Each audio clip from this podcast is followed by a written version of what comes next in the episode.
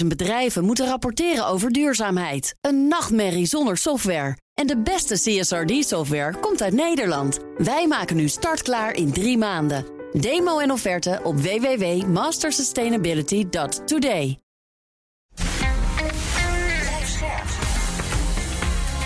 BNR Nieuwsradio. Boekenstein en de Wijk. Hugo Reitsma. Dit is een extra uitzending van Boekenstein en de Wijk in verband met de oorlog in Oekraïne en de crisis met Rusland. Het is zondag, dag 67 van de invasie. Arjan, wat gebeurt er aan het front? Nou, dan moeten we beginnen in Gerson. Hè. Dat is, dan zitten we in het zuiden dus. Hè. Dat is al een, enige tijd in Russische handen. Proberen daar de roebel weer te introduceren. Leninstandbeelden worden opgericht. Hè. De internet is plat, gsm is plat. Anders zouden die mensen alleen maar nare dingen over de waarheid uh, ontdekken. De helft van de bevolking is gevlucht. Het referendum is geschrapt, want dat was niet erg populair. Maar belangrijk is dat heel moeizaam en ook maar kilometer voor kilometer uh, is het Russische leger bezig om uit Gerson te komen en naar richting Mykolaiv te trekken. En ook naar Kryvyi Rih, dus noordwesten en noordoosten. Mm. Uh, maar dat gaat allemaal nog niet snel. Nee, ik zag ook nee. in de laatste update van het Institute of the Study of War... die zeggen de Russische versterkingen zijn waarschijnlijk onvoldoende... om een doorbraak te forceren ja. daar in de Donbass. Ja, het is eigenlijk hetzelfde verhaal overal. Hè? Ja. Uh, dus Oekraïne heeft rond Kharkiv uh, enig succes geboekt... en hoopt op die manier dat Rusland zijn troepen moet herpositioneren... wegtrekken uit Izum... Uh, en om, de verdediging van Kharkiv op zich te nemen. Maar het gaat, nou, ook als, als je naar de kaarten kijkt, hè, dan zijn het echt wel, wel hele kleine sprongetjes hoor, die, die die Russen maken. Eigenlijk zou je wel kunnen zeggen dat er toch wel sprake is van een padstelling op dit ogenblik. Ja. Ondertussen lijkt het dat de Oekraïners uh, de strijd steeds meer naar de vijand weten te brengen. Hè? Er zijn opnieuw ja. een militaire voorziening in brand gevlogen in het westen van Rusland. En een spoorbrug is gedeeltelijk ingestort. Volgens de gouverneur van de regio Koersk komt dat door sabotage. Ja, dat zal ongetwijfeld het geval zijn. Hè. Belgrod, eh, Belgorod, daar moet je ook heel goed naar kijken. Dat is een soort verzamelpunt, een hub eh, van de Russen. Van waaruit eh, ook eh, het materieel weer wordt verdeeld over het front in, eh, in het oosten van Oekraïne. Uh, ja, nee, het hoort er natuurlijk wel bij. Het zijn uh, logische doelwitten. Uh, het zijn eigenlijk, eigenlijk is het dezelfde aanpak als wat Rusland doet in het westen van Oekraïne. Je probeert de logistiek zoveel mogelijk ja. te ondermijnen. Ja, en dat is de ene keer succesvol, de andere keer niet. Ja, dan was ook nog wel spannend een Oekraïense aanval op een Russisch hoofdkwartier in Izum. Dat is in het bezette deel van de Donbass. Daarbij ja. zouden verschillende officieren zijn gedood. En interessant is dat dit de plek is waarvan ook wordt gezegd dat Gerasimov, de Russische leider van de generale staf, dat die daar is. Ja, dat kan kloppen dat hij daar in ieder geval in de buurt moet zijn. Of hij gewond is, ik, ik, kan, ik denk niet dat we dat echt geverifieerd kunnen krijgen. Het zal wel, uh, zal wel buitengewoon zijn hoor, als dat uh, gebeurd is. Uh, maar Gerasimov is daar dus ingevlogen, letterlijk en figuurlijk, om ervoor te zorgen dat de hele commandostructuur op orde komt. Dat die wordt versimpeld. En dat al die verschillende eenheden op een behoorlijke manier met elkaar gaan samenwerken. Als, als het blijkt dat, dat Gerasimov de hoogste militair van, eh, van Rusland, wat dus heel bijzonder is dat hij daarvoor wordt ingezet. Want normaal gesproken de allerhoogste militair, militair blijft gewoon in uh, in Moskou. Mm. Om in direct contact, dat is het strategische niveau, om in direct contact te kunnen staan met, uh, met, met Poetin en met de minister. Mm. Uh, als zo'n man wordt ingevlogen naar dat uh, gebied, hè, dan betekent dat de hoogste militair niet meer op strategisch niveau zit, maar die gaat dan naar het tactisch-operationele niveau. Dat is eigenlijk gewoon not done uh, bij een militaire operatie. Dat mm. zegt heel erg veel over de problemen die de Russen hebben. Ja. Verder is Nancy Pelosi in Kiev geweest natuurlijk. Hè? En hield een persconferentie in Polen.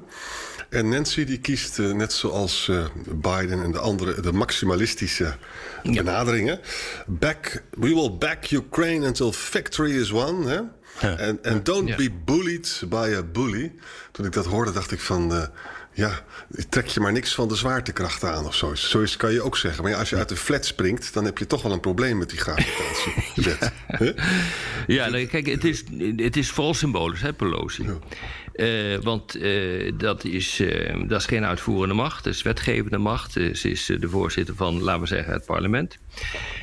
Uh, dus het, maar ze is wel de meest uh, senior, de hoogste uh, Amerikaan die daar ooit is geweest. Hè? En die een bezoek ja. heeft gebracht naar Zelensky. Want ze is nummer drie in de opvolging, nummer twee in de opvolging. Na de vicepresident, toch? Ja, ja, ja. na de vicepresident. Zeg maar, de, als de, de, de president en de vicepresident niet meer kunnen functioneren, om wat voor reden dan ook, dan moet Pelosi president worden. Ja. ja.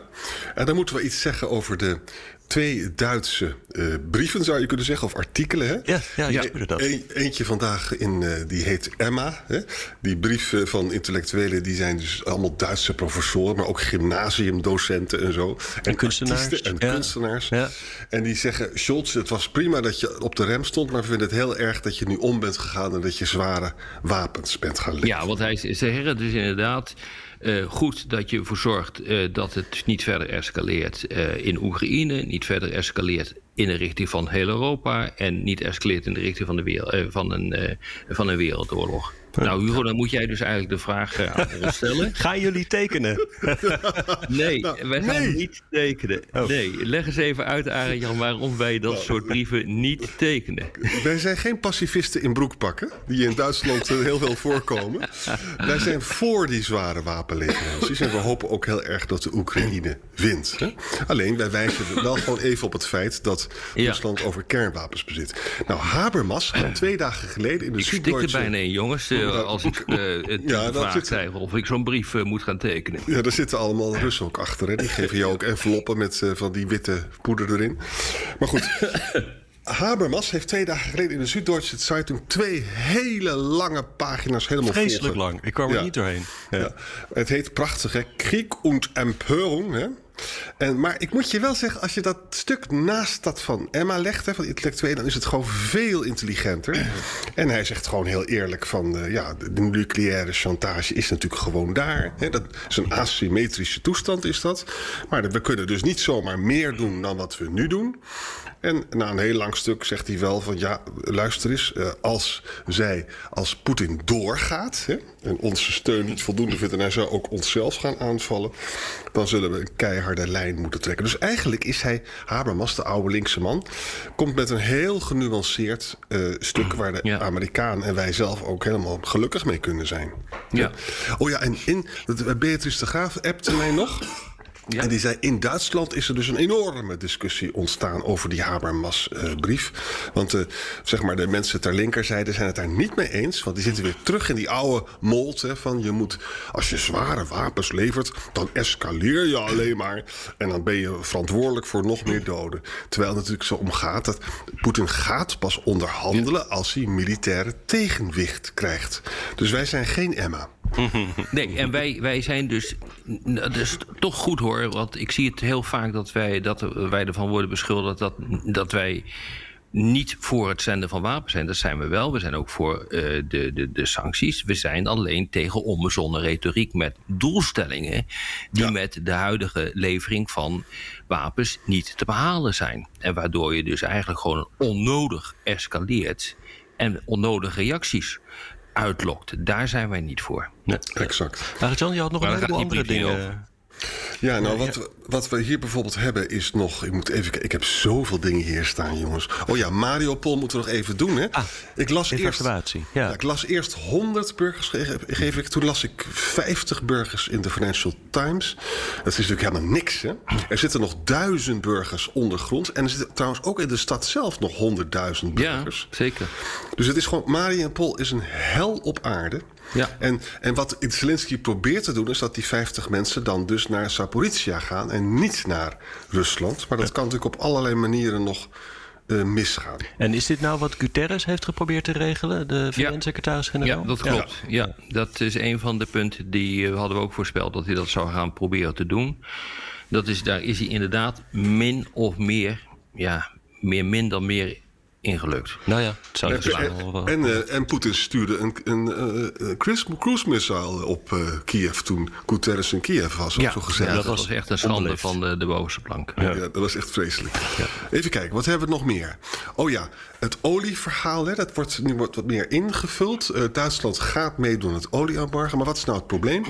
Er zijn twee Duitse raffinaderij in het voormalige Oost-Duitsland, Zweed en Leuna, die totaal afhankelijk zijn van de Russische olie. En wat de Duitsers nu doen, is dat ze als een gek de haven van Rostock gaan uitbaggeren en uitdiepen, dat de olietankers daar kunnen komen.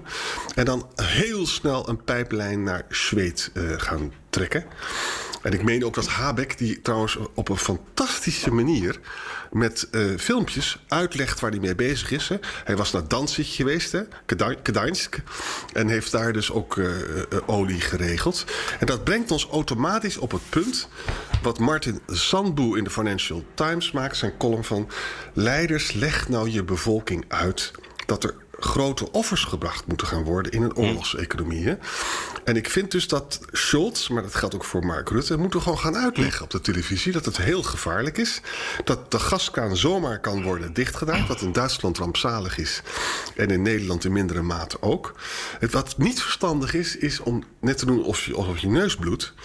Want dan zullen de mensen echt in opstand komen. Hey, jij, bent, jij bent ooit politicus geweest, uh, Arjan. Hoe verklaar je dit eigenlijk? Want dit is natuurlijk het punt dat wij nogal vaak maken van let op escalatie. Dit is natuurlijk ook escalatie door Rusland. Ja, ja. Als je de boel uh, gaat, gaat afsluiten. Maar waarom denk jij nou dat ja, dat die discussie gewoon niet gevoerd wordt. En waarom nou, als je, worden eigenlijk dit soort, soort ja. hè, wat je dus nu ook uit de Financial Times haalt, eh, waarom dat soort waarschuwingen ook in de wind worden geslagen? Wat is dat nou eigenlijk? Nou kijk, Mark Rutte is iemand die het heel fijn vindt als andere mensen verantwoordelijkheid hebben voor iets. Dus hij schuift het dat een beetje van. Dat is het eerste. Het tweede is ook, hij hoopt Heel, hij weet wel, als dat gas afgesloten kan worden, dan kunnen we de zomer nog wel door. Het grote probleem wordt de komende winter. Hè, ook voor Nederland. Hè.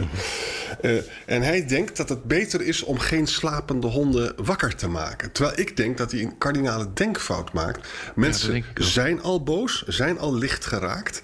En als dus het nu allemaal zou gebeuren en de inflatie wordt nog veel hoger, dan denk ik dat er nogal wat Nederlanders zijn die dan dus onze regering kwalijk nemen dat we wapens sturen naar de Oekraïne en als gevolg dat zij. Zeker en, en, en je kan het beter dus... een charismatisch uh, staatsman, die gaat dus gewoon... Kijk naar Habeck. Kijk maar op Twitter naar zijn filmpjes.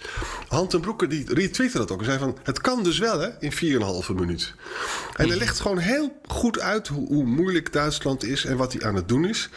En dat mis ik heel erg in Nederland. Trouwens, van alle ministers. Ik hoor van Jette ook niks.